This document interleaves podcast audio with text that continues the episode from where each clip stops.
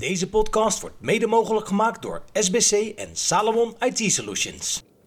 Let's do it. Let's do If you want some, baby, come and get it. If you need some, baby, come and get it. If you want some, baby, come and get it. If you need, just come and get it. Welkom bij de podcast van ComeGetIT.nl met Sander Bruis en Martijn Verheij.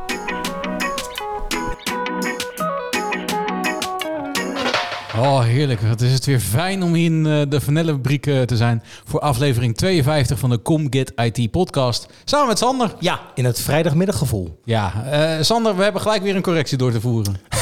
Dat is, laten we gelijk weer backspace aanzetten. Zullen we dan, is dit dan ook de definitieve datum die we nu doorgegeven? Ja, ik heb geen vakanties meer gepland. Oké, nou, eh, ik zeg, eh, vul er maar in. Nou ja, het is zo. Vorige podcast hadden we al een correctie over de datum van ons eigen Com Get IT evenement. Ja, want dat zouden we op hebben 3 we mei doen. Ja. Nou, eh, ik had even niet goed op de kalender in de keuken gekeken.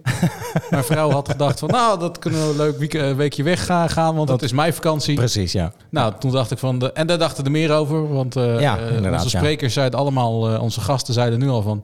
Ja, maar dan is het dan mijn vakantie. Op zich maakt het mij niet uit. Nee, precies. maar het dat is een goede woordspeling trouwens. Eh? Maakt mij niet uit. Ja. Precies. Dus, eh, maar nu hebben we gezegd... Nou, dan trekken we de kalenders erover bij. Ik heb nu de keukenkalender er wel even goed bij gepakt. Dus En, eh, hij staat gepland op 10 mei. 10 mei. En we gaan er even vanuit dat dat de definitieve datum wordt voor ons eigen Come Get IT event inderdaad. Precies. Maar eh, nou ja, houd de socials in de gaten. Ja. Dus, want ja, dat zei de vorige keer namelijk ook dat het gewoon definitief zou zijn. Maar goed, Nou, we, we hebben het met potlood en we zijn bijna met pen aan het ontcirkelen. Precies. En binnenkort komt het inschrijvingsformulier op de site. Ja. Dus eh, gaat eh, heel goed komen. Nee, en op het moment dat we dat hebben, dan kunnen we wel zeggen dat het echt definitief is die datum. Ja, we hebben al gasten. hè? We hebben al sprekers. Zeker, Dus zeker, eh, zeker, nou, zeker. Sprekers. Het wordt, het wordt een apart soort evenement. Kan Nee, dat, ik heb er zin in, nu al. Hey Sander, hoe gaat het met jou? Druk. En waar je zou misschien zeggen van gaat het om werk? Nou, dat valt wel mee. Maar mijn vrouw is eh, van de week geopereerd aan de voet. Die had een kleine ingreep, moest die uit verwijderd worden. Dus die kan tien dagen niks. Nou, misschien weet de, de vaste luisteraar dat wij paarden hebben. Ja, en kippen. En kippen. Nou, da- dat is een stuk minder zorg. Kan ik je, die hoef ik maar één keer per dag eten te geven. En dan vinden ze dat allemaal wel goed. Maar ik heb wat meer ballen in de lucht te houden op dit moment inderdaad. Letterlijk? Dus ik, eh, nou niet letterlijk, maar zo voelt het wel. Oké. En ik kan niet jong leren. Nee, precies. Dus nee, maar voor de rest gaat het wel goed. En jij, want jij eh, hebt natuurlijk ook nog wel wat uh, nou, ik moet zeggen, ik, ziekenhuisbezoekjes. eh, ik heb bijna een afsprakenreeks wat wekelijks in mijn agenda staan voor een ziekenhuisbezoekje. Heb je al een knipkaart? Nee, dat niet. Krijg- eh, die ponskaart krijg je vroeger ook niet meer. Dus dat Nee, nee, nee, nee. nee. Dus veel digitaal geworden in het Nee, ziekenhuis. je zorgpassen, hè? Die Ja, mee klopt. nemen. Maar eh, nee, ik loop ziekenhuis in, ziekenhuis uit. En ik kom eigenlijk met dezelfde kennis het ziekenhuis weer in als dat ik eruit ga. Geen. Dus oftewel geen. Vooralsnog weet ik nog niks. Maar dat heeft allemaal te maken met die hoest. Hij zit er nog steeds. Het valt wel iets meer mee, heb ik het Nou, idee. dit is nog maar, Maar de dat gaan we eerste vijf minuten van de podcast. Ja, dan. precies. Dat gaan we merken natuurlijk inderdaad. Maar goed. hey, maar wie hebben we te gast vandaag? Nou, dat is ook een goeie. Want deze eh, gast is een eh, freelance Microsoft Cloud consultant en trainer bij BrainPulse IT. Hij is MVP'er. Dat is ook wel weer eh, leuk, zeg maar. Ja. Ah, daar was die. Daar was hij. Hij is ook eh, luisteraar van onze podcast, heeft hij aangegeven in Ja. de voorbereidingen. Dus sowieso al vriend maar van de hij, show. eh, precies, hij focust zich voornamelijk op het adviseren, bouwen, beheren en het geven van training op het gebied van de modern workplace en de public cloud. En hij is actief binnen verschillende communities. Zo organiseert hij kennissessies met de Dutch Virtual Desktop User Group. En is hij eh, medeoprichter van de wereldwijde Virtual Desktops Community. En hij was natuurlijk al te horen in de Express Live. Ja, klopt. Daar was hij. eh, eh, daar was hij een van de bezoekers. Nou, dan ben je natuurlijk reuze benieuwd wie de gast is. Stefan Dingemansen, welkom. Stefan Dingemansen. Ja, inderdaad. Leuk. Dank je. Ja, Dank je. leuk om dat je er bent. Ja. absoluut. Het is, het is wel leuk in de voorbereiding. In het voor, voor, voorgesprek zei hij van... Nou, ik kan me nog eens heugen dat ik aflevering 6 zat te luisteren van de Comcat. Dat eh, lang geleden. Ja, ja, ja, met Erik eh, van Klaveren in de Ja, aflevering. ja, ja, ja. Toen hadden we het over Citrix. Die ene waar ik er niet was. Eh, dat klopt, hè? Ja. Ja, zo, Ja, absoluut. ja, Ja, ja. ja. En, en toen eh, dacht je van... Oh, wat zou me dit gaan... Of zoiets was het toch? Of, eh, Ja. Ja, weet je, je zit, eh, je, je zit dan in de auto onderweg. Ik weet het nog, dat weet ik dus ook nog goed, hè, richting, eh, richting Breda. Comcat IT podcast eh, op op de radio. En eh nou, was inderdaad met Erik van Klaveren. Weet je, dan zit je daarnaar te luisteren en denk je, ja, dat is toch tof, weet je. Daar, zitten, daar zitten mensen, die hebben er verstand van. Die eh, worden geacht of hè, die zijn expert in bepaalde gebieden. Hè, die delen hun kennis, Ja. hun Ja. enthousiasme. Ja, ja. Nou ja, uiteindelijk de dag van vandaag eh, zit ik hier bij jullie aan tafel. Mooi. Het heeft iets meer afleveringen geduurd, maar... eh, Ja, maar dat is toch. eh, nee, maar dat, dat, dat, dat, dat hele pad daar naartoe, dat is toch super vet. Ja, uiteindelijk. Nou ja, dat, dat kunnen we alleen maar onderschrijven. En dat hebben we denk ik in de jubileum-uitzending ook nog een keertje over, Ja. over verteld. Dus dat, dat gevoel kunnen we absoluut met je delen inderdaad, En aan onze echt kant. verpand ook weer. We, we- we lopen hier de ruimte in, Sander en ik. En we- ik zeg tegen Sander... Ik zat eigenlijk zeg maar vorige week onze podcast nog even terug te luisteren. En toen zei ik tegen Sander van...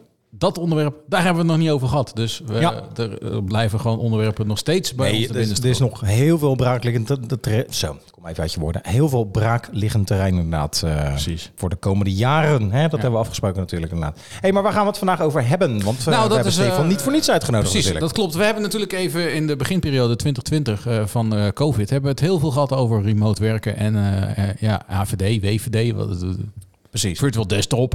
Ja. Eh, Ja. En eigenlijk was het goed om, eh dachten van, nou, Stefan die heeft dus eh, aangegeven, zeg maar in de gesprekken van, nou, als jullie weer eens een, leuke ja, AVD-sessie willen hebben, Ja. of een podcast, daar kan ik jullie wel bij helpen. Nou, En dat was eigenlijk een van de dingen, want we hebben het volgens mij alleen met eh, Christian Brinkhoff. Ja, Bas en van eigenlijk, Kaam. ja, Bas van Kaam over Nerdio natuurlijk, maar dat is meer de beheertool waar we het over gehad hebben. Ja. Maar echt puur dedicated over AVD of VVD hadden we het nog niet echt gehad, toch? nee, ja, Dus allebei. behalve Christian Brinkhoff, eh, Ja, maar dat was ook meer Ja. een zijn, maar goed, een zijstap. Maar goed, voordat we daar echt van start gaan. echte diepte ingaan. Echte Stefan. diepte. Wat zou je gedaan hebben als IT niet bestond? Oeh, dat is een hele goeie. Ja, Ja, daar beginnen we altijd mee. Ja, als vaste luisteraar. lu- Ja, als vaste luisteraar. Ik denk dat ik dan serieus in de zorg had gewerkt. In de zorg. Kijk, Kijk. dat is ook Ja. weer een hele andere kant. Ik Ja. vind het zo heerlijk om die verschillende, eh, nou ja, eh, passies of dergelijke inderdaad. Maar, maar vertel, de zorg. Het is voornamelijk, eh, als IT wel bestond, zou ik het namelijk ook ontzettend tof vinden om... Pro- probeer even in de microfoon Ja, te ja, praten. ja, ja. Sure. ja. En als ik in de, ehm, ehm, als ik wel in IT zou werken, dan zou ik het namelijk ook super tof vinden om in bijvoorbeeld een ziekenhuis te werken. Ja, ja, ja. of eh, in een, eh, bij de zorg. Hè, wat dan, dan denk ik namelijk dat je een, een maatschappelijke bijdrage levert eh, met de dingen die jij doet.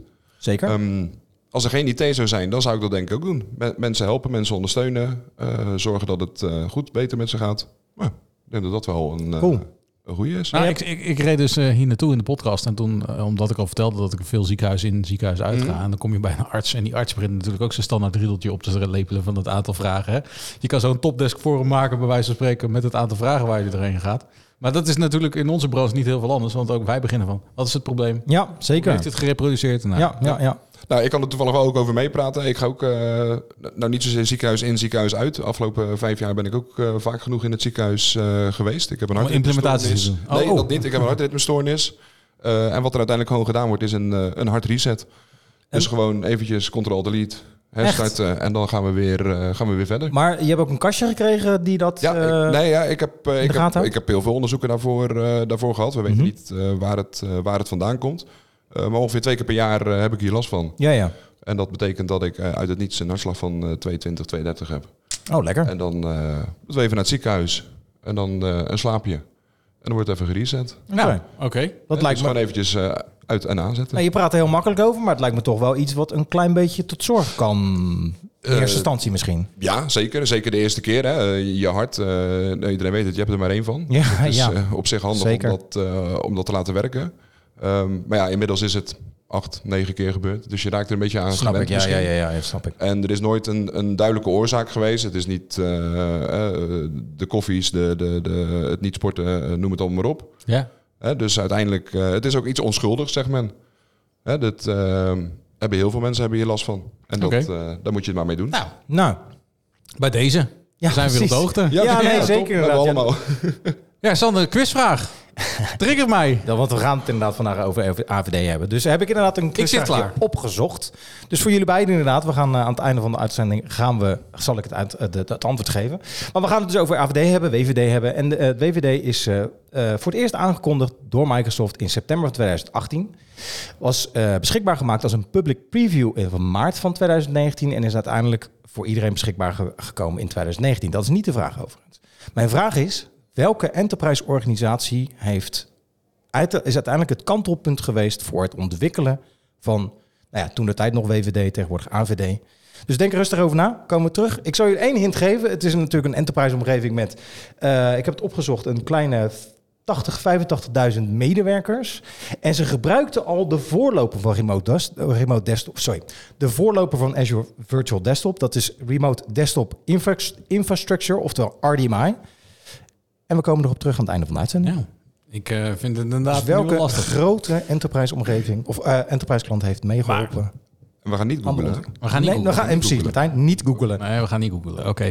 Maar waar ik dan toch benieuwd naar ben, eh, Stefan, om dan gelijk de eerste vraag mee te beginnen. We hebben er nou RDMI, we hebben er nou WVD, we hebben er nou AVD, we hebben er Microsoft 365.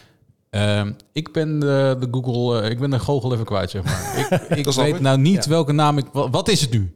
Nu is het Azure Virtual Desktop. Ja, ja, AVD. ja, ja. Ja. Hè, In de laatste, jullie laatste podcast met, eh, met Christian werd er gesproken inderdaad nog over WVD. Hè? Ja. Windows Ja, ja, ja, ja. Virtual Desktop.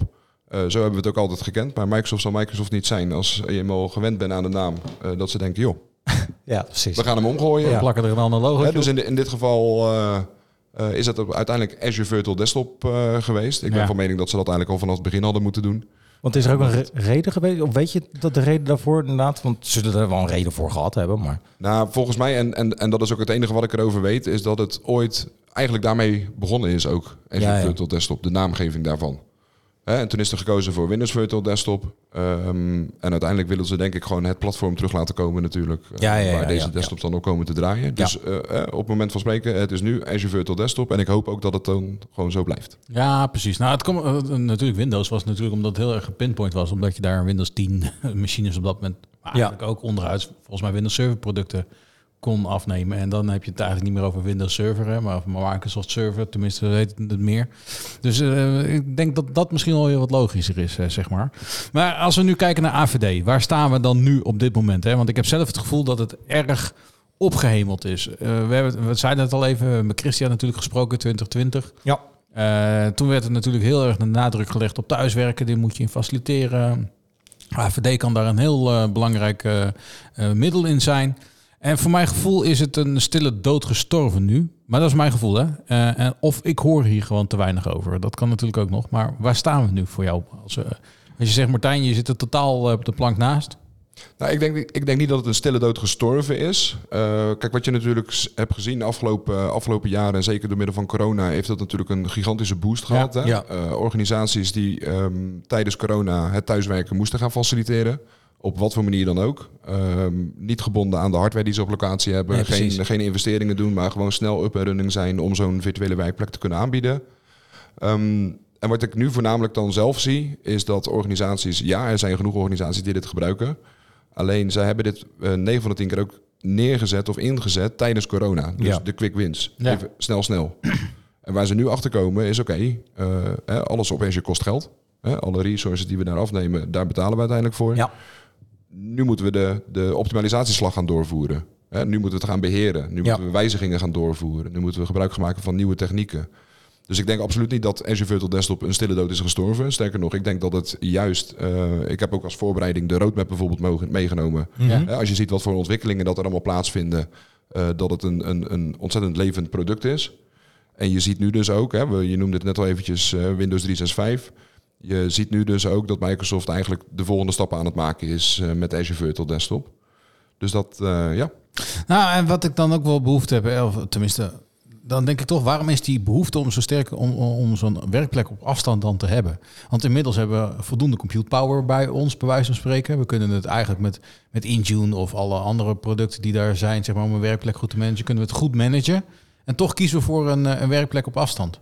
Ik denk, ik denk dat dat voornamelijk erin zit. Hè? Wat, eh, wat ik veel zie nu, is dat Azure Virtual Desktop voornamelijk wordt ingezet hè, om legacy applicaties eh, te kunnen ontsluiten. Ja, ja, ja. Eh, Met, met legacy bedoel ik voornamelijk hè, applicaties die gebaseerd zijn op bijvoorbeeld Kerberos authenticatie. Hè, Ja, ja, domain, domain joint machines. Ja.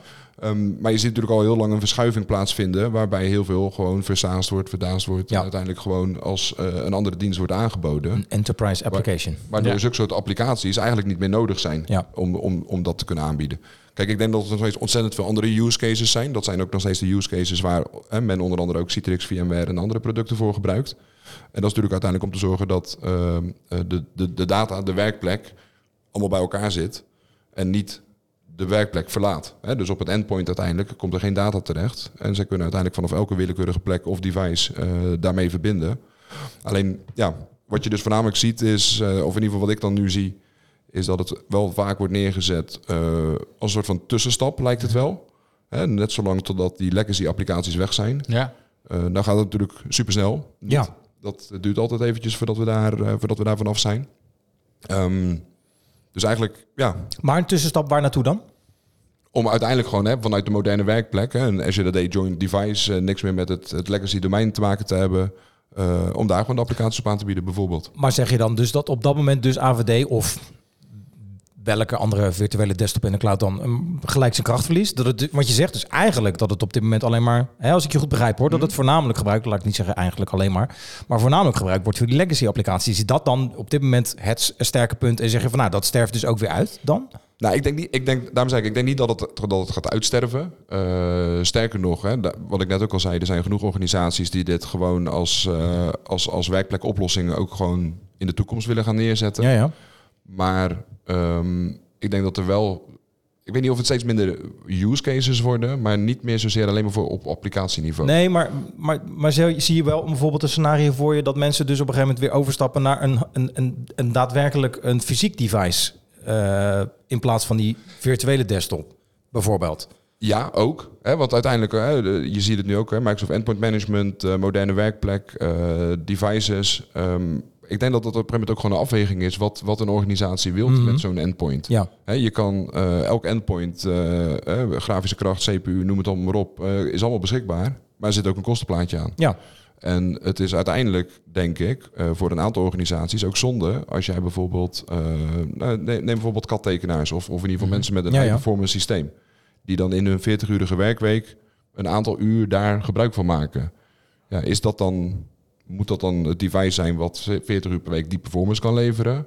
Of is het veel makkelijker om te zeggen, nou weet je, we gaan voor een wat lagere instap devices en we gaan zo'n werkplek virtueel aanbieden op het moment dat de mensen dat nodig hebben. Ja, dat ja, die ja, ja, rekenkracht ja. gevraagd wordt voor de werkzaamheden die zij, eh, die zij uitvoeren. Ja, dus inderdaad, kattekenaars, grafische eh, ontwerpers, et cetera, die hebben inderdaad bij wijze van spreken voor een mail en, en ze- gewoon een heel simpel laptopje nodig. Maar op het moment dat ze dus echt die, die, die omf nodig hebben, Juist, precies. dan connecten ze inderdaad naar een virtuele omgeving die op dit moment misschien binnen, want ik weet dat het binnen inderdaad de klassieke RDS-omgeving was, CAT met name.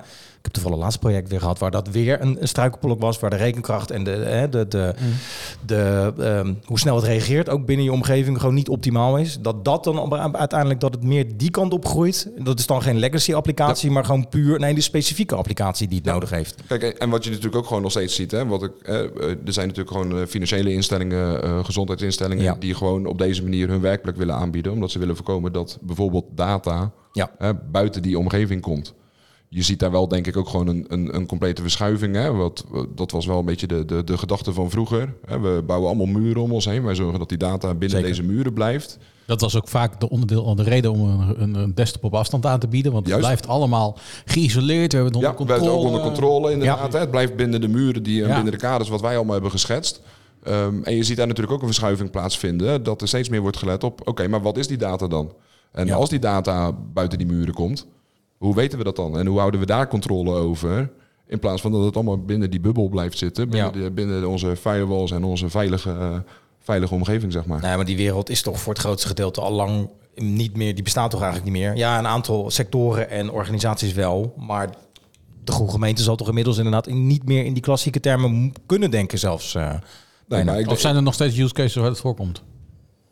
De- waar, waar wat voorkomt? De, de, de- zoals Sander net stelt. Zeg maar. Ja, defensie, weet ik. Defensie, We hebben het de vorige keer natuurlijk over gehad. Er zijn gewoon een aantal hè, waar dan nou ja, staatsgeheimen en dergelijke worden, eh, die het inderdaad cloud en dergelijke gewoon heel moeilijk vinden. Als ik wil niet antwoord voor jou geven, maar volgens mij is dat waar het Nou ja, gaat. ik kan, me daar zeker, eh, ik kan me daar zeker in vinden. De organisatie waar ik nu, eh, nu word ingehuurd, daar, daar speelt dit dus. Ja. Hè, wij, eh, wij bouwen uiteindelijk, eh, tenminste wij, wij faciliteren erin, maar de organisatie die bouwt marineschepen. Hm, ja, nou precies. dat, zijn ja. geen, eh, dat is geen data wat zomaar natuurlijk iedereen eh, mag inzien. Nee.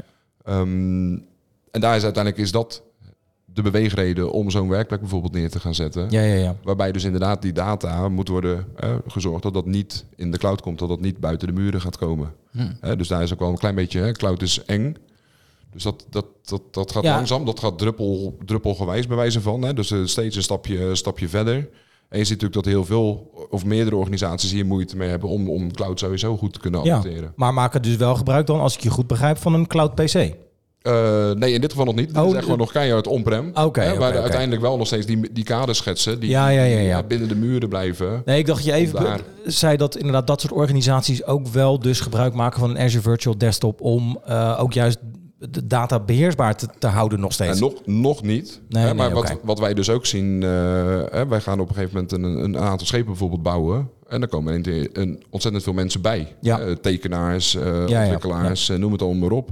Ehm, daar moet je wel op, op voorbereid zijn. Je moet daar wel de juiste hardware voor hebben. Je moet daarvoor kunnen gaan schalen. En als zo'n project een, een, een twee jaar duurt en dan wordt het afgeschaald... Ja, dan zit je misschien met, met hardware waar je wel voor hebt betaald... en waar je geen, geen doel meer voor hebt. Dus ik denk ook voor zulke soort organisaties dat het veel efficiënter is om uiteindelijk hè, naar de vraag te luisteren en daarmee te gaan schalen van joh, wat hebben we daarvoor Ja. nodig? Ja. En dat zie je dus ook met, met Azure Virtual Desktop en andere desktop oplossingen eh, vanuit de cloud. Eh, het is allemaal flexibel. Hè, dus hebben we het over seizoenswerkers, hebben we het over inhuur, waarvan je bij wijze van over drie maanden kan zeggen, joh, weet je, het project is klaar of je, je, eh, het, het, houdt op.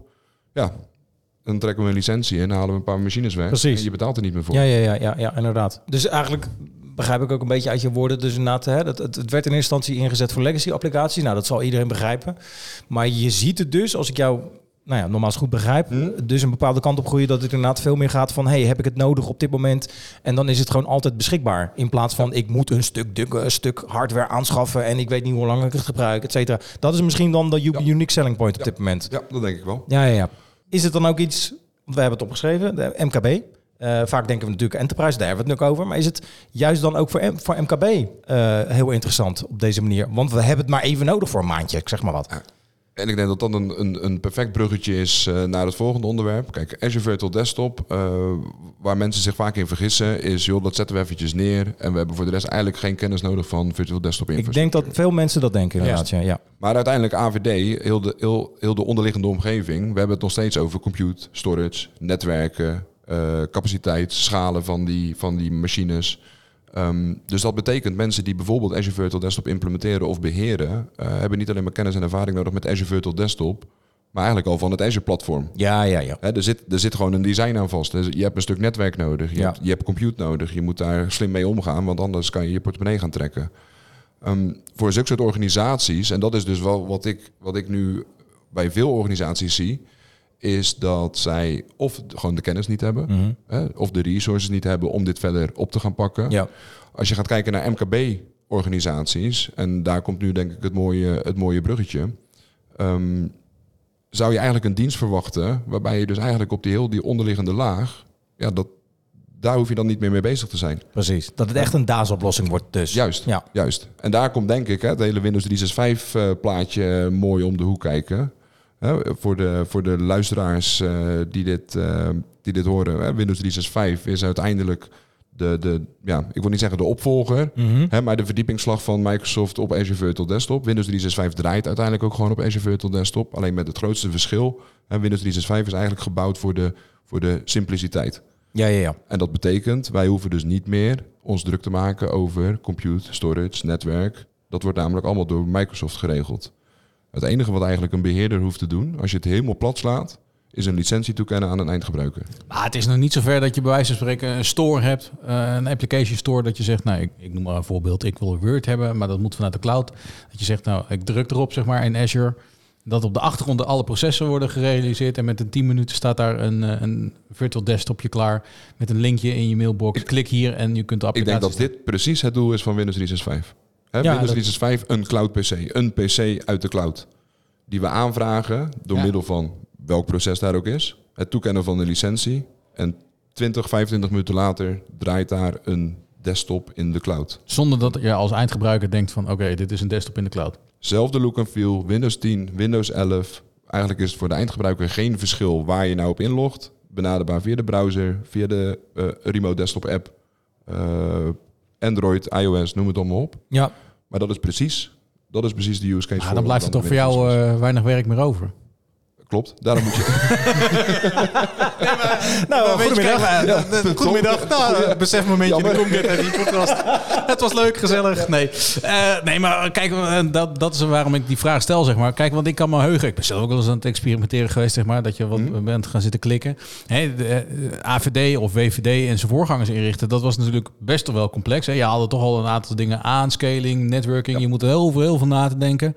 Dat is dus nog steeds zo. Dat is nog steeds verstandig om dat te doen. Ja. Want als je, eh, want, want eh, eh, vroeger moest je echt, je had nog bepaalde eigenschappen. Je moest in ieder geval nog een on-premise AD hebben. Daar is natuurlijk Microsoft ook keihard aan het werken op de achtergrond. Hè? Ja. Dat het niet meer alleen maar native domain joint machines zijn, Ja, hè? maar precies. ook eh, Azure AD joint machines bijvoorbeeld. Ehm, en als ik me goed herinner, ik heb volgens mij vorige week of, of anderhalve week geleden inmiddels ook de podcast eh, van jullie geluisterd met Christian onder andere. Mhm, ja. Ehm, Oh, die is al wat ouder hoor. Nee, maar toen had Zeker. ik, nee, maar hij is zeker wat ouder, maar hij is zeker relevant, want tijdens die podcast werd er ook eens aangegeven, hè, want toen was bijvoorbeeld Azure Virtual Desktop of Windows Virtual Desktop toen de tijd nog eigenlijk helemaal niet geïntegreerd in heel die Azure Portal. Nee, klopt. Hè, dus in, in dat gesprek kwam het ook naar voren. Hè. Wat, wat hebben wij nodig? Ja, ontzettend veel PowerShell en ontzettend veel ja, scriptjes om het uiteindelijk Ja, maar op per running te krijgen. Ja. En eigenlijk het enige wat toen de tijd werd ondersteund, was het deployen van onze resources, dus onze VM's, onze session hosts, met ARM templates. Ja, en daar is natuurlijk, eh, daar hebben Bas van Kamer later op geïnterviewd. Hè? Ja. Die waren echt met Nerdio heel ver al op dat vlak, zeg maar, om die backplane in te richten. Eh, Die zijn, die zijn in, een, in een gat gesprongen, zeg maar, Ja. wat, wat, wat Microsoft zeg maar eigenlijk loslaat. Hè. Daarvoor, hebben zij, daarvoor heeft Microsoft deze partners natuurlijk, eh, die daar om hun oplossing heen hè, zulke soort tooling gaan, eh, Ja, gaan ja, maken. Ehm, maar, dan zie je dus op een gegeven moment wel, bijvoorbeeld bij Azure Virtual Desktop, hè, alles is nu gewoon ARM-based. Dus je kan gewoon de deployments, de, de automations daarachter, eh, vanaf je workspace tot aan je sessiehost, je groepen, eh hostpools, scaling, kan je ook op die manier gaan neerzetten. Ik moet je eerlijk zeggen, ARM moet ik altijd aan de, aan de processor denken. Maar ik heb het inderdaad, het is echt in mijn, in mijn trainingen dat ik het uitgehad heb. Maar het ARM staat voor Automatic Resource Management. Azure Resource Bijna, Manager. bijna goed, bijna goed. Nou ja, maar, maar dat is inderdaad... Het, het, het brein, denk ik, achter Ja, ja, het Azure ja. Data Center platform, hè, waarmee wij eh, op, op een redelijk eenvoudige manier natuurlijk gewoon resources kunnen deployen. En die resources, dat kunnen zijn eh, netwerken, dat kan zijn computer, dat kan zijn storage, dat kan zijn alle andere Azure eh, functies en alles wat er op, op het, in het datacenter van Azure leeft Ja, ja, ja. uiteindelijk. maar dat gat waar je het net over had, waar Nerdio dus in- bestaat het nog steeds? Want ik, Ja. ik heb maar even... Ja, Ja, ik, nou ja, dat- goed. dat- ik heb me inderdaad nog even voorbereid. En Kijk, ik zie dat nog steeds terugkomen inderdaad. Dat, dat zie je ook zeker terugkomen. Ehm, en en eh, aan het begin van het gesprek zeiden we ook... kijk, uit- uiteindelijk eh, organisaties die bijvoorbeeld Azure Virtual Desktop hebben geadopteerd... ehm, die lopen er nu tegenaan van ja, weet je... op een gegeven moment zo'n image moet ook bijgewerkt worden. Precies. Hè? Op een gegeven moment nieuwe functionaliteiten moeten ook geprobeerd worden... of gekeken worden, hè? Wat, wat betekent dat voor een organisatie? Dus dat betekent dat ze in één keer wijzigingen moeten gaan doorvoeren... op iets Ja. wat misschien hè, gewoon één keer is neergezet... Ehm, en wat je, nu, eh, wat je nu ziet, is dat zij bijvoorbeeld eigenlijk helemaal niet zozeer de kennis of de resources hebben om hiermee aan de slag te gaan. Hadden ze misschien ook de verwachting van... hey, het is een cloud PC, dat wordt wel geregeld door Microsoft? Nou, kijk, dat, dat denk ik niet, hè, want het is altijd duidelijk geweest waar Oké. Microsoft voor verantwoordelijk is uiteindelijk en waar je als, als klant, als bedrijf voor verantwoordelijk Ja, bent. Hè, dus dat, dat model is eigenlijk altijd wel inzichtelijk geweest voor, eh, voor bedrijven. En ehm, hè, dus als we het Azure Virtual Desktop is, Azure Virtual Desktop, Windows 365, en dan hebben we het over die cloud, eh, die cloud PC waar we het net over hadden. Maar organisaties die bijvoorbeeld eh, op een snellere manier hun image willen updaten, ja, zullen daar zelf iets omheen moeten gaan bouwen. Die zullen iets met automation, met DevOps, met pipelines gaan doen. Ja, want je kan nog steeds je eigen image uploaden ook, hè? Ja, Ja. ja, ja.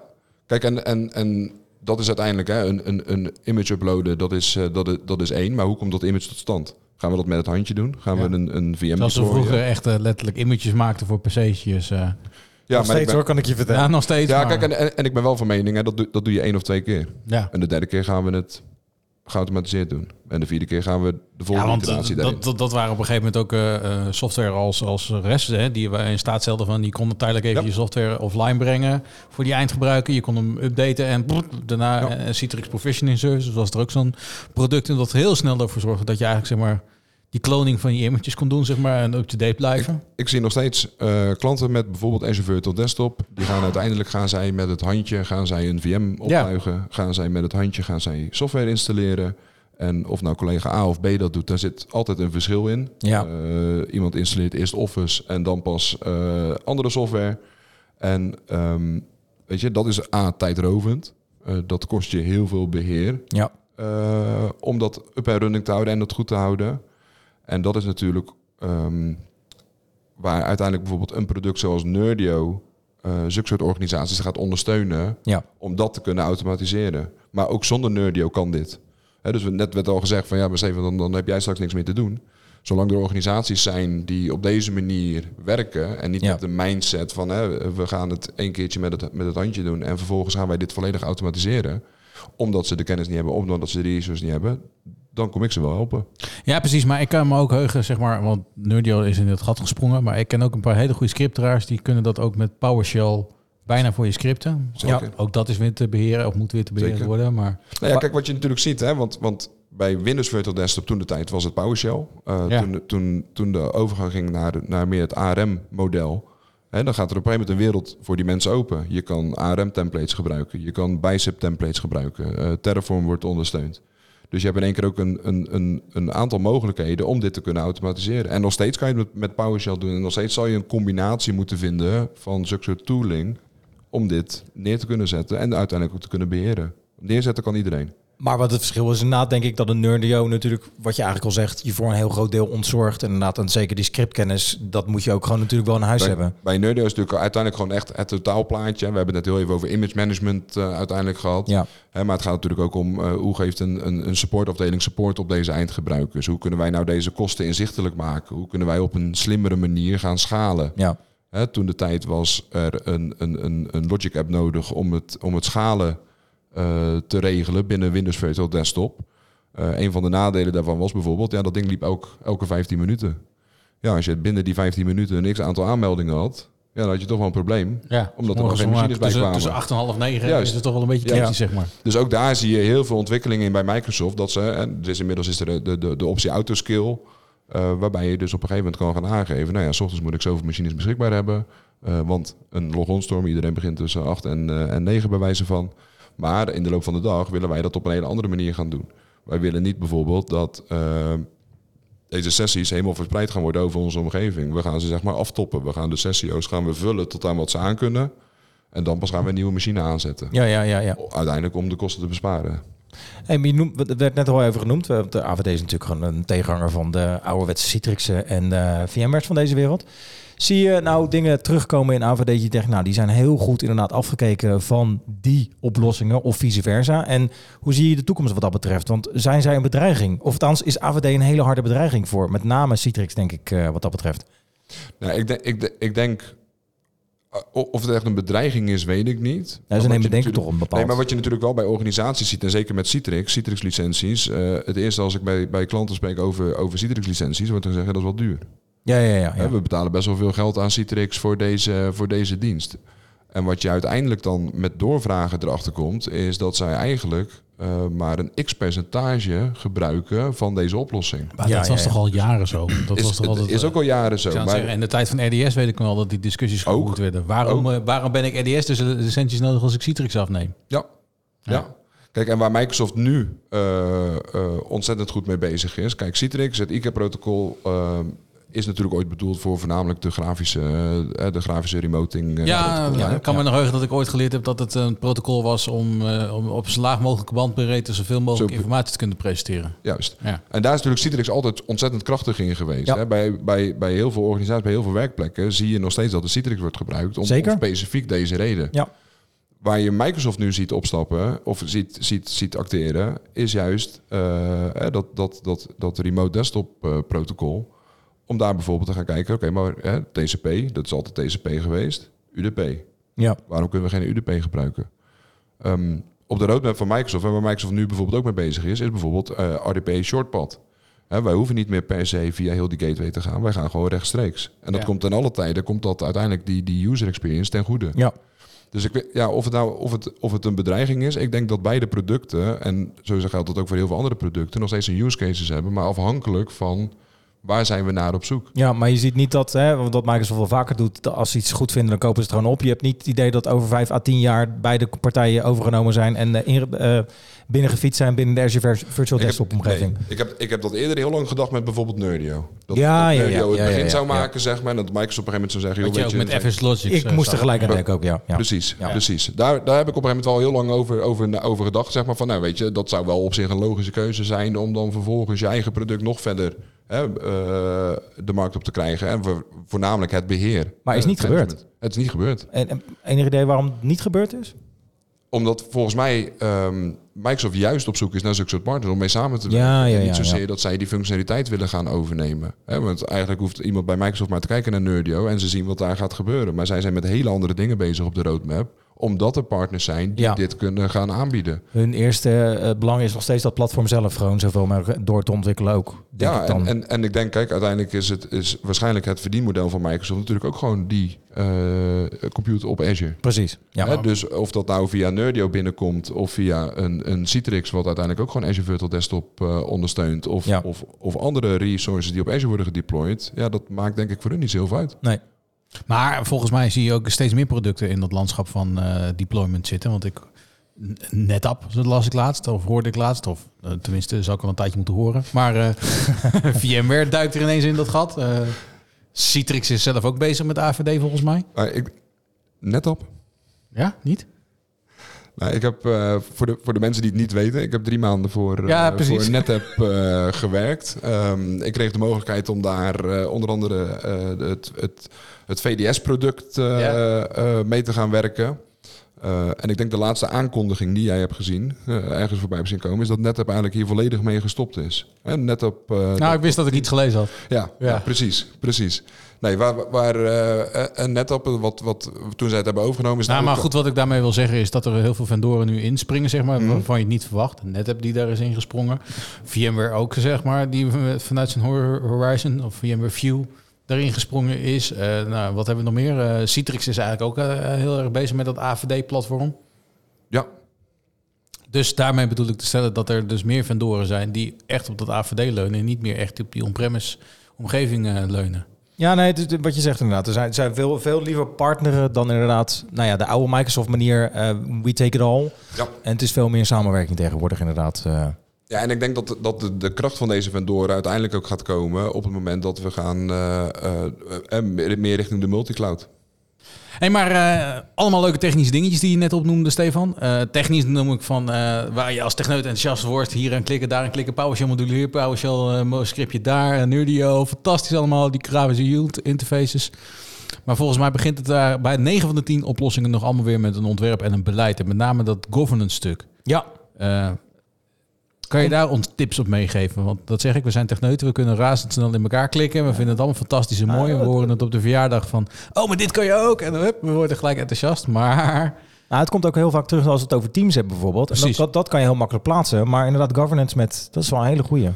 Maar, maar Is er governance? kijk, ik denk dat sowieso elke implementatie, maakt niet uit wat je implementeert, eh, het, het begin daarvan is een stuk requirements en een stuk design. zeker. Ja, ben ik helemaal met je eens. Zo zou Valt het. toch tegen in de praktijk. Zo zou het zeker moeten zijn. Want hoe kunnen we anders als wij eh, als techneuten of als, als, als organisatie iets gaan opleveren, hoe weten wij dan of wij het goed hebben gedaan? Dat klopt. Hè, dus er zal ten alle tijden zal daar iets van requirements op papier moeten komen. Wat willen we gaan gebruiken? Hoe willen we het gaan gebruiken? En hoe gaan we het uiteindelijk ook beheren? Hè, want wat we net ook al zeiden, neerzetten kan. Maar Ja. lange termijn, hoe gaan we dit ook beheren? Mm, Maar denk ook aan, eh, je noemde net autoscaling. Wat zijn drempelwaarden? Hè? Dat zou kun je een ontwerp zetten. Ja, we denken dat het nu is, maar misschien moet je er afspraken over maken als organisatie. Moet je er beleid over maken. ja. Tenminste, Ehm, dat versta ik even onder de governance. Hè? Eh, mhm. Maar het, het, het, het beleid op AVD, WVD. Of, eh, Nou, sowieso, wie mag deze virtuele desktop gebruiken? Lijkt mij een, een, een een kernvraag. Ja, kijk, uit- uiteindelijk ook bij zo'n zo'n design track ga je ook bepalen welke persona's hier gebruik van gaan maken. Ja, En ja. wat is het doel van deze oplossing? En waarom doen we dit eigenlijk sowieso als organisatie? Wat je heel vaak ziet is dat organisaties al gaan teruggrijpen. Ja, we willen dit. Maar waarom willen we dit nou eigenlijk? Ja, precies. Wat gaan Ja, we hiermee oplossen? Nou ja, de, de, de reden was dus corona. Maar ik kan me voorstellen, eh, hè, dat was het. Maar Ja. ik kan, eh, waarom het op een gegeven moment snel geïmplementeerd is. En dat geldt ook voor Teams dus bijvoorbeeld. Maar bij, hè, om die parallel dan wel even te trekken.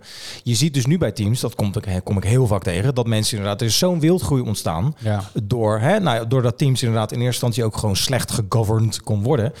Heeft AVD helemaal dat probleem dan niet? Of ben je niks tegengekomen dat je zegt van nou, inderdaad, daar zijn ze in de knel gekomen ermee? Nou ja, maar dat is, dat is niet zozeer Azure Virtual Desktop specifiek. Dat Nee, heeft meer te maken Ja, ja. met gewoon eh, cloud. Gewoon Azure. Ja. Hè? Waar, waar begint het mee? Naamgevingsconventies. Afspraken over, daaroverheen. Hè? Azure voorziet daarin. Hè? We kunnen zelf onze naamgevingsconventies eh, neerzetten. Wij kunnen policies deployen om, om daar controle op te houden. Ja. Ehm, dus zulke soort, hè, dus net bijvoorbeeld met Teams, hè, nou, ik denk dat je een beetje refereert naar Team Sites bijvoorbeeld, hè, die Ja. poppen overal op. Iedereen, op. kan, iedereen kan het aanmaken. Precies, er zijn drie Pri- sites private channels. spreken. Private en- channels. Kijk, en uiteindelijk is dat, en, en of dat nou in de cloud is of on-prem, ehm, dit heb je overal. Dit heb je altijd al gehad. Klopt. Ehm, waarbij onder andere naamgevingsconventies en erover nadenken van belang is. En het Ja. maakt niet uit wat voor, wat voor oplossing er uiteindelijk komt. Als we ons aan de naamgevingsconventie houden, is het A makkelijker voor het beheer. Het is herkenbaar. We weten exact wat we uiteindelijk gaan neerzetten. Zeker. En zo geldt het ook voor Azure Virtual Desktop. Eh, Een hostpool kan je elke naam geven. Maar ja, HP1 zegt dat iets over het doel of het, het Nee, precies. waar de hostpool voor is. Precies. Nee, dus daar zal je over na moeten gaan denken. En uiteindelijk door middel van bijvoorbeeld automation of andere producten ook zorgen dat het volgens die naamgevingsconventies wordt neergezet. Ja. Ja, maar En het is dat dus niet eigenlijk zeg maar een, eh, een stuk wat je bespreekbaar moet maken in je organisatie. Zoals je dat met een team governance doet of het werken met Office 365 governance. Hè. Datascheiding, Wat datascheiding, wat doen Ja. we wel, welke producten mag je wel gebruiken uit de suite, welke niet. Maar dat zou je niet adviseren voor AVD. Nou ja, kijk, uiteindelijk net zoals bijvoorbeeld welke applicaties gaan wij erop laten landen. Ja, ja, Eh, ja, is daarover, precies. is Ja. daarover nagedacht. Hè? Het begint heel vaak met een POC en dan doen we één of twee applicaties gaan we daarmee pokken. Ja. En binnen no time is het zeg maar POC wordt productie. Ja. En dan komt de organisatie en zegt ja, maar ik wil ook deze applicaties erop hebben. Ja. Maar er is geen rekening mee gehouden. En dan in één keer vinden ze het raar of vreemd dat er in één keer veel meer kosten gemaakt worden. Omdat hè, we andere type machines nodig hebben. We hebben meer memory in één keer nodig. We hebben meer CPU nodig. We hebben Ja, meer diskcapaciteit nodig om dat aan te gaan bieden. Dus nee, dat, dat, tuurlijk, daar moet je zeker rekening mee gaan houden. Maar zie je dan ook bijvoorbeeld in de toekomst, bijvoorbeeld nu dat zegt, eh, de situatie ontstaan dat je eh verschil, misschien bestaat het al hoor, dat is iets dat ik gewoon niet ken, maar eh, een, een verschil in de type desktops, dus bij wijze van spreken de Word desktop, ik noem maar even wat, of de AutoCAD desktop. Zit daar nog een bepaalde, nou ja, dat je een bepaalde trend die kant op ziet gaan? Of zit ik dan helemaal aan de verkeerde kant op te En, denken? en, maar hoe bedoel je? Nou, dat bi- binnen een organisatie heb je verschillende afdelingen met verschillende Mhm. functies. Je hebt inderdaad de kattekenaars en Ja. gewoon eh, administratief, administratief medewerkers. Die moeten allemaal weer een AVD hebben, maar van, dus dat we daarvan zeggen we van nou, de, de administratief medewerkers hebben alleen maar een virtuele desktop met alleen Word en Outlook of zoiets nodig. Heel simpel, heel licht. Ja. En de kattekenaars moeten echt een hele heavy, De, de zwaar profielen zoals wij hem definiëren zeg maar in het Office Bestaat dat al? platform. Wordt dat ook op die manier al aangeboden? Ehm, of moet je dat echt zelf inrichten? Nee, dat zou je zelf moeten inrichten. Ja, ja, ja. Kijk, en, en uiteindelijk, je, je noemde het net al eventjes, hè, die, zulke soort Profielen, hè, dus ja. die, die Ja, profielen, precies, hè, ja. persona's of hoe je het ook wil, eh, wil noemen. Dit heb je ook al voor je endpoints. Hè, we- inderdaad, hè, we hebben een Ja, Office medewerker. waar. Nou, wat, waar maken zij gebruik van? Nou, van Office, tekstverwerking, Outlook, noem het allemaal maar op. Ja. Is een heel ander profiel dan Ja. iemand die eh, eh, het HR-pakket of een, een, een administratie, een financieel pakket of uiteindelijk inderdaad een tekenaar. Ja, Dus, ehm, dus ja, tuurlijk moet je daar een splitsing in gaan maken. ja. Kijk, en uiteindelijk denk ik dat dat een afweging zou zijn. ehm, we, we, we kunnen elke werkplek aanbieden. Hè, het is allemaal gebaseerd op een image, op een golden image. Ja. Wil jij 13 verschillende images gaan bijwerken? Wil jij 13 verschillende images gaan onderhouden? Hè, en daar is natuurlijk waar Microsoft ook mee bezig is en meerdere leveranciers. Hè. We eerst hadden we altijd ehm eh, FS Logic. Wij trekken onze profielen los van het OS. Ja, MSIX App Attach. Ja. We halen deze applicaties ook los van het OS. ja. Hè, waarbij we dus uiteindelijk qua beheer hebben we alleen nog maar een golden image waar wij Office, eh, updates, noem het allemaal maar op moeten inzetten. En vervolgens door middel van bijvoorbeeld MSIX App Attach gaan wij on the fly deze applicaties toepassen. Dat is het oude app 4 zeg maar, het oude virtuele applicatievirtualisatie. Ja, Onder andere. Hè, maar bijvoorbeeld een, een, een Liquidware doet dit ook. ja. Met, met bijvoorbeeld FlexApp, eh daar heb je hetzelfde. Dus ja, weet je, ik denk dat dat gewoon heel, heel het, het spel is, zeg maar. Of in ieder geval het, voor zo'n project wat van belang is. Hè, maar wat, wat is dan, wat zien wij dan? Maar het beslissingstraject en het denkwerk ligt dus nog wel bij de klant. En is dus niet, en daar wilde ik een beetje naartoe. We zijn nog niet op het punt dat Microsoft aangaat, wat Martijn nog no- net zei. Klik hier, ik wil deze applicaties, klik op deze link en hij is klaar. Daar zijn we nog Nee, niet. Maar daar gaan we misschien wel Kijk, en, en, en Microsoft adviseert daar natuurlijk wel in. Hè? En, en zeker ook, kijk, uiteindelijk kunnen we elk type VM voor Azure Virtual Desktop kunnen wij neerzetten. Ja. Of het nou een GPU heeft, of het nou meer memory heeft, of het nou meer CPU heeft. Alles kunnen wij gebruiken. Hè, maar wat je wel nu ziet bij Microsoft dat zij, dat zij gaan, gaan aanbevelen. Hè, welk type VM is dan voor welke workload uiteindelijk bedoeld. Ja. En wat altijd wel grappig is, of tenminste wat ik wel grappig vind, is zodra er Outlook in de naam staat, of Teams, dan is het eigenlijk al redelijk een soort van heavy user eh, aan het worden. Oké. En, en, en daar is Microsoft op aan het. eh, hè, daar zie je dus ook hè, bepaalde type series, eh, de, de F's waar bijvoorbeeld andere, andere performance achter zit. Eh, maar het is niet zo dat Microsoft, je moet, je moet klanten daar nog steeds in meenemen. Ja, ja, ja, ja. ja. En, en uiteindelijk is het altijd testen, testen, testen. Ja, je zal zeker, nog steeds. Zeker, ja, uiteraard. Maar eigenlijk hoor ik je eigenlijk in die zin zeggen... de technologie die we een paar jaar geleden on-premise hadden draaien... met alle gedachtegangetjes erachter, bij wijze van spreken... is nu in principe cloud-based. Alleen Is- je hardware kun je gewoon klikken de klik bij elkaar klikken... en je hebt het draaien. Maar de, Waarbij je vroeger echt eh, die service moest bestellen... Nvidia-kaarten moest bestellen. Nou, trek de portemonnee maar open. Je kom weer met je business case naar de financiële afdeling... en er werd weer een server eh, het rekje geschoven van een paar k. Dat is, eh, het blij- het blijft eigenlijk nog steeds dezelfde gedachtegang. Het, het, het- daar is denk ik gewoon helemaal niks in veranderd. Nee, en nee, of het nou, nee, of het nee. nou on-prem is of in de cloud of in een, in een, in een andere public cloud. Ja. eh, hetzelfde, dezelfde requirements, dezelfde afwegingen zullen moeten worden gemaakt. Ja, En ik denk zelfs bij de cloud dat dat belangrijker is, omdat elke keuze die je maakt kost gewoon geld. Ja, nee, zeker. Hè, waarbij ja, je ja, on-prem ja. natuurlijk inderdaad, eh, je, je- je kocht een stukje hardware aan. En of er nou uiteindelijk één of tien VM'tjes op kwamen te draaien, en of dat nou twee CPU's had of tien CPU's, Maakt niet niemand, uit. niemand Nee. voelde dat. Want nee, we hadden toch een keer die eh, hardware aangeschaft. spinnen. En- Ja, ja. hè, maar cloud wil niet zeggen dat, dat, dat, dat, dat je dat overboord kan gooien. Daar moet je juist veel meer rekening gaan houden met zulke soort, eh zulke soort parameters. Ja. Waar ik ook wel even benieuwd naar ben, totaal iets anders. Je Ja. bent eh, toch nog veel in de techniek bezig en je hebt een PowerShell module eh, gemaakt. Ja. Als non-scripter. Als non-scripter. zei je in het voorgesprek. Ja, Ja, En dat vonden we interessant. dat vonden we wel even interessant. Hoe is dat, waar ben je begonnen? Ja, en wat is het script zelf? en wat is het script zelf? En kan iedereen dat eigenlijk? Ja, ja, ja, ja. Eh, kan iedereen dat? Ja. Als ik, als, ik, als ik het kan met een beetje hulp, dan kan iedereen dat. Uiteindelijk eh, kunnen we dat eh, wat doen. Nee, wat, wij, eh, wat ik heb gedaan samen met, met Niels Kok, eh, toen Windows 365 kwam. ehm, en Windows 365, we hebben het al even benoemd, is uiteindelijk ontzettend eenvoudig. Ja. We hebben een paar configuraties nodig en dan kunnen wij een cloud PC gaan aanbieden. Maar elke keer eh, klikken, eenzelfde policy aanmaken met een bepaalde naamgevingsconventie. Dat is voor één klant te doen. Heb je op een gegeven moment wel meerdere klanten, en dan wil je dat redelijk geautomatiseerd hebben. ja. Dus toen hebben wij op een gegeven moment een paar keer een beetje zitten sparren. En gezegd, joh, weet je wat nou tof zou zijn? Als wij een, een, een PowerShell module kunnen maken... die niet afhankelijk is van allemaal andere PowerShell modules. Waarmee wij eigenlijk gewoon tegen die Graph API van Microsoft kunnen babbelen. En kunnen gaan zeggen, joh, dit willen we dat je gaat aanmaken voor ons. Microsoft die heeft daar een Graph module voor. Ehm, die kan je ook gewoon gebruiken. Alleen dat is niet leuk. Nee. We, we wilden zelf iets doen. Dus eh, toen hebben we eigenlijk een soort van, van, van challenge ge- neergezet, eh, Niels en ik, van joh, laten we nou gewoon eens gaan kijken hoe ver dat wij gaan komen. Ja. Nou, ik kan je vertellen dat op een gegeven moment eh, het hele authenticatiestuk is het meest spannende. Want vervolgens... Dat is toch altijd? Ja, maar vervolgens heel die rest, die, die, die Graph API, die, Ja. die, die, die rest API calls die we, die we maken. Ja, of je nou informatie van A of van B gaat ophalen, het is een andere URL en je krijgt hetzelfde terug. Dus we hebben op een gegeven moment, eh, voor ons was dat een ontzettend grote leercurve. En dat, we- ja, ik vond het super tof, want hè, we hadden gezegd, joh, we gaan eh, binnen Azure DevOps gaan wij een board inrichten. En we gaan ook al onze commits en alles wat wij met code gaan doen, gaan we ook allemaal daaraan linken. Zodat we weten wat er waar is gewijzigd, waarom het is gewijzigd. Als er issues zijn, gaan we die melden. En dan gaan we vanuit een issue gaan we het weer verder opzetten. En uiteindelijk was ons doel om te zeggen van joh, weet je, onze PowerShell module, die willen wij in de Microsoft Gallery, willen wij die, eh, willen wij die publiceren. Dat was het ultieme doel. Dan ga je op een gegeven moment ga je daar, eh, zijn we daarmee aan de slag gegaan. En eh, hadden we gewoon uiteindelijk redelijk rap toch wel een, een werkende versie. Alleen dan moet je hem in die gallery gaan plaatsen. Dan zegt Microsoft, ja, er moeten wel even een aantal controles worden uitgevoerd. Hè. Een, een, een pester die daar overheen gaat, die wat, eh, wat dingen voor ons gaat controleren. Een, een, een script analyzer die met allemaal slimme dingen komt. En toen wij dat de eerste keer draaiden, toen schrokken we eigenlijk. Toen dachten we, nou, wij, wij kunnen helemaal geen PowerShell modules maken. daar, kwamen, daar kwamen zoveel punten uit. Ja. En dat, zijn, dat waren allemaal punten, omdat hè, een, een, een, een, een PowerShell, een module, heeft parameters. Ja. Blijkbaar is er een bepaalde naamgevingsconventie voor die parameters. Het moet met een hoofdletter beginnen. Mm. Al onze parameters begonnen met een kleine letter.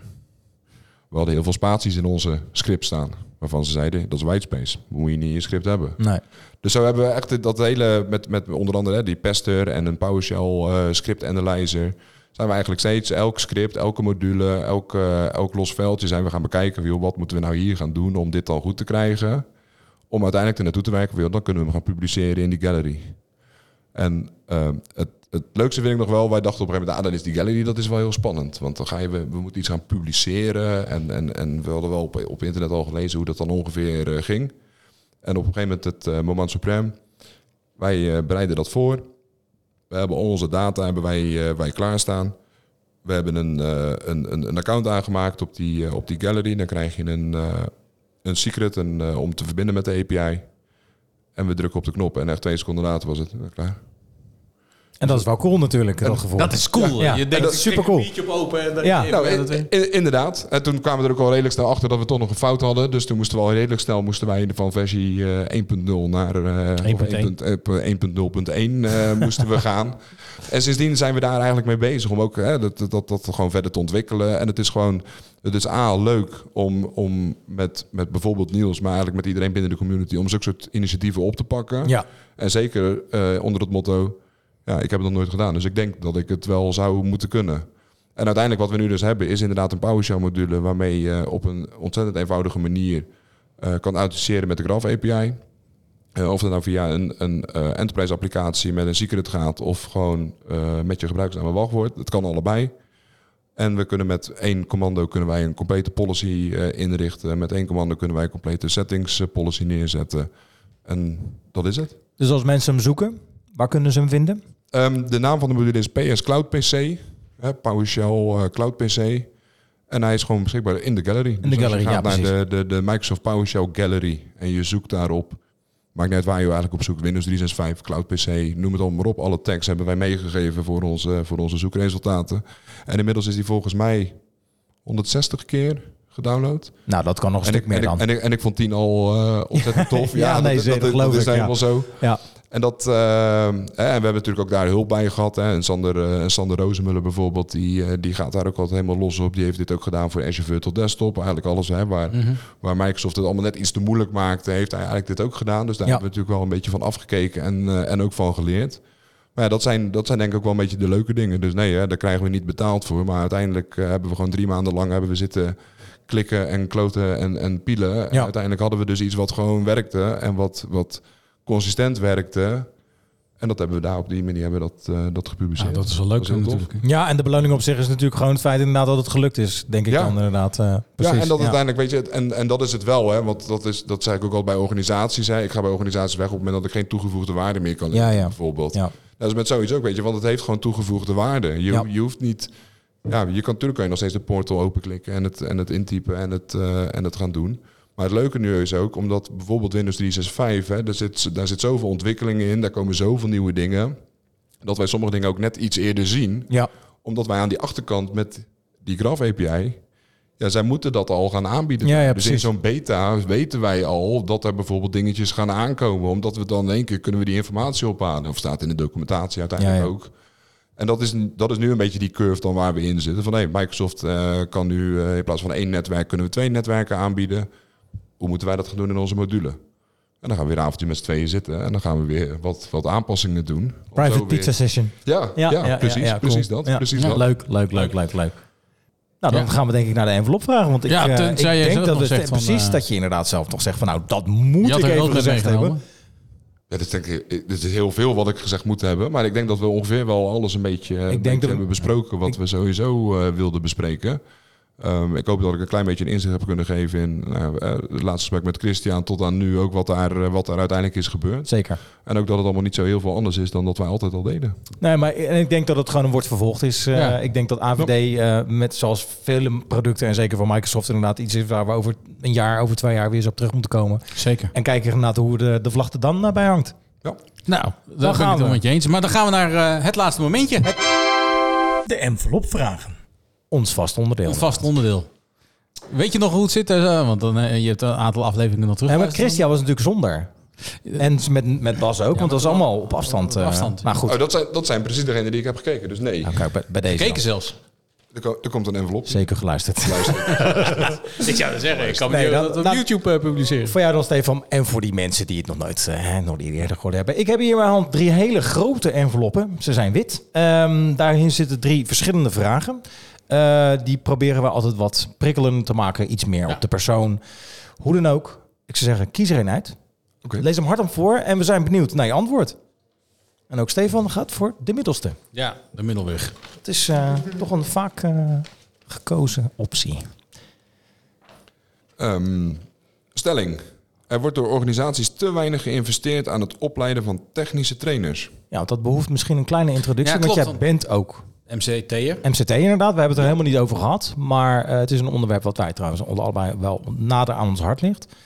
Dus eh, zonder dat we eigenlijk een, een introductie in het gesprek hebben gehad, is dat wel de vraag uiteindelijk inderdaad. Heb je daar een mening over?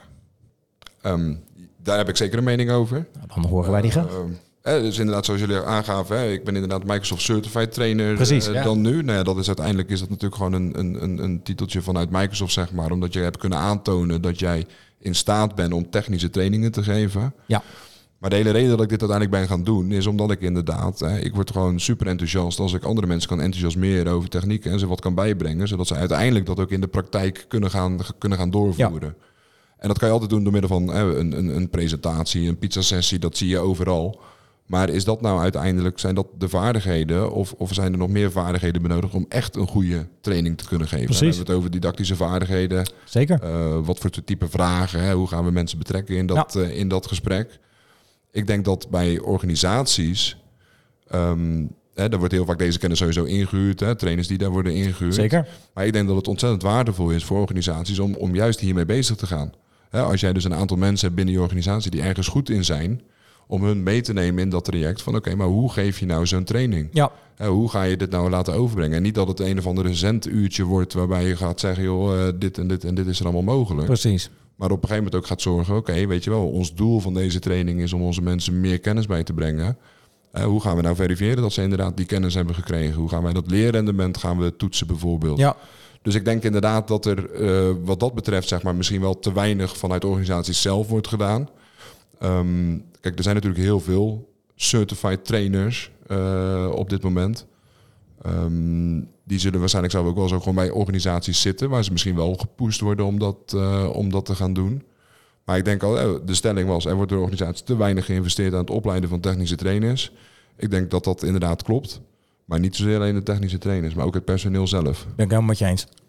Nou, dan bedankt voor je beantwoording van deze ja, envelopvraag. Ja, De quizvraag. dan hebben we alleen, inderdaad alleen nog de quizvraag. Ik pak hem er even bij weer. Ik wou zeggen, gaan we nog een keer herhalen? Zeker. Herhalen, herhalen. Dus de vraag was inderdaad, nou even, hè, ik zal hem even helemaal opnieuw. Dus Windows Virtual Desktop is in ehm 2018, 2019 uiteindelijk op de markt gekomen. En binnen het ontwikkelproces is er één enterprise organisatie, al een bestaande klanten die gebruik maakte van de remote desktop modern infrastructure. infrastructure moeilijk woord. Ze zeggen het ook, noemen dat ook wel RDMI. En ik schrijf daarbij inderdaad de hint dus dat ze een, eh, nou ja, een 80, 85.000 medewerkers hebben wereldwijd. En ehm, nou ja, ik ben benieuwd inderdaad. Eh, het is een hele, hele bekende, bekende organisatie, CQ-merk in dit. eh. Nou ja, roep maar wat zou ik zeggen. Ja, eh, Zeg maar wat. geen idee. Cisco? Begint wel met... Nee, ik zeg niks. Contoso.com.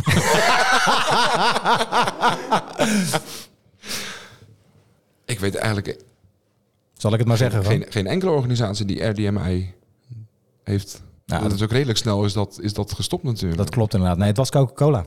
Ja, echt? Ja, nee, Coca-Cola is op een gegeven moment... Tijdens eh, het ontwikkelproces heeft Coca-Cola op een gegeven moment aangegeven... joh, is dit niet veel beter als een service aan te bieden op jullie platform? Dat is eigenlijk de boodschap. Het is een iets langer verhaal natuurlijk, maar ik breng het even naar terug. Die hebben gewoon gezegd, joh, wij we hebben, we willen de hele die infrastructuur onder helemaal niet meer eh, beheren. Kunnen jullie dit gewoon niet als een service aanbieden? Briljant, zei Microsoft. En zo is het gekomen. Althans, het, dat is het kantelpunt geweest. Als ik eerlijk ben, dat is het kantelpunt geweest waarop zij zeiden... wij kunnen beter deze weg inderdaad inslaan dan de RDMI-weg. Ja. Oftewel gewoon het verplaatsen van de huidige functionaliteit naar Azure toe. Precies, En nu ja. daar slim mee omgaan. Ja, en nou, dat precies. Inderdaad, want zij hadden dus inderdaad wel moeilijkheid met de moeilijkheden die daar inderdaad Ja, in de infrastructuur nog wel aanwezig waren. En middels een stuk minder. ja. En inmiddels zelfs nog een stuk minder. Coca-Cola inderdaad. Nou, weer wat geleerd zo op ja deze toch? manier. Kijk, nou daar doen we het voor. Kijk, zo is het. Eh, Stefan, ik wil je ontzettend bedanken voor je komst naar onze podcaststudio. Ja. Eh ja, eh, het was weer, was weer leerzaam. Nee, en het ging, het ging, het- we zeiden het net al heel even tussendoor. Het is als een speer gegaan weer inderdaad vandaag. De tijd vliegt voorbij. De tijd vliegt voorbij inderdaad. De tijd vliegt zeker voorbij. Ik wil jullie bedanken. Graag ja, gedaan. bedankt. Het was onze waar genoegen. Ik wil jou bedanken als luisteraar naar het luisteren van deze Come Get IT podcast. Nou, Sander, we hebben je al... Stefan, moet ik zeggen. Ik Sander. Sander zit er. Ik vond het ook Stefan, ja, we willen je ontzettend bedanken. Eh, meer informatie over AVD en onze gast kun je natuurlijk vinden op LinkedIn, neem ik aan. Zeker. Twitter Ja. of nog meer platformen. Je podcast? Je podcast, podcast. Ja, dat, dat doen we niet meer zoveel. mee. Oh. GitHub. Ah. GitHub. GitHub, kijk, dat is ook een profiel. Ja, ja. Meer informatie over Sander en mij kun je terugvinden via LinkedIn en comgetit.nl. En Wil je mij vinden of eh, Sander? Ja, zoek dat gewoon op eh, sociale media op. Daar zitten, we, ja, daar zitten we gewoon eh, zeker op. Wil je reageren op deze podcast of een recensie achterlaten? Dat waarderen wij enorm. Ondanks wij eh 52 afleveringen hebben gemaakt, kunnen wij altijd nog steeds eh, wat tips gebruiken. Zeker. Dit kun je doen in Apple iTunes of op onze website. En via onze website kun je ook abonneren op deze podcast. Wij zijn te vinden, eh, vinden in iTunes, Spotify, TuneIn en Stitcher. Yes. Tot de volgende. Tot de volgende. Bedankt voor het luisteren naar de podcast van CamGetIT.nl. Wil je meer weten? Heb je vragen, suggesties of opmerkingen? Bezoek dan onze website www.camgetit.nl. If you want some, baby, come and get it. If you need some, baby, come and get it. If you want some, baby, come and get it. If you need,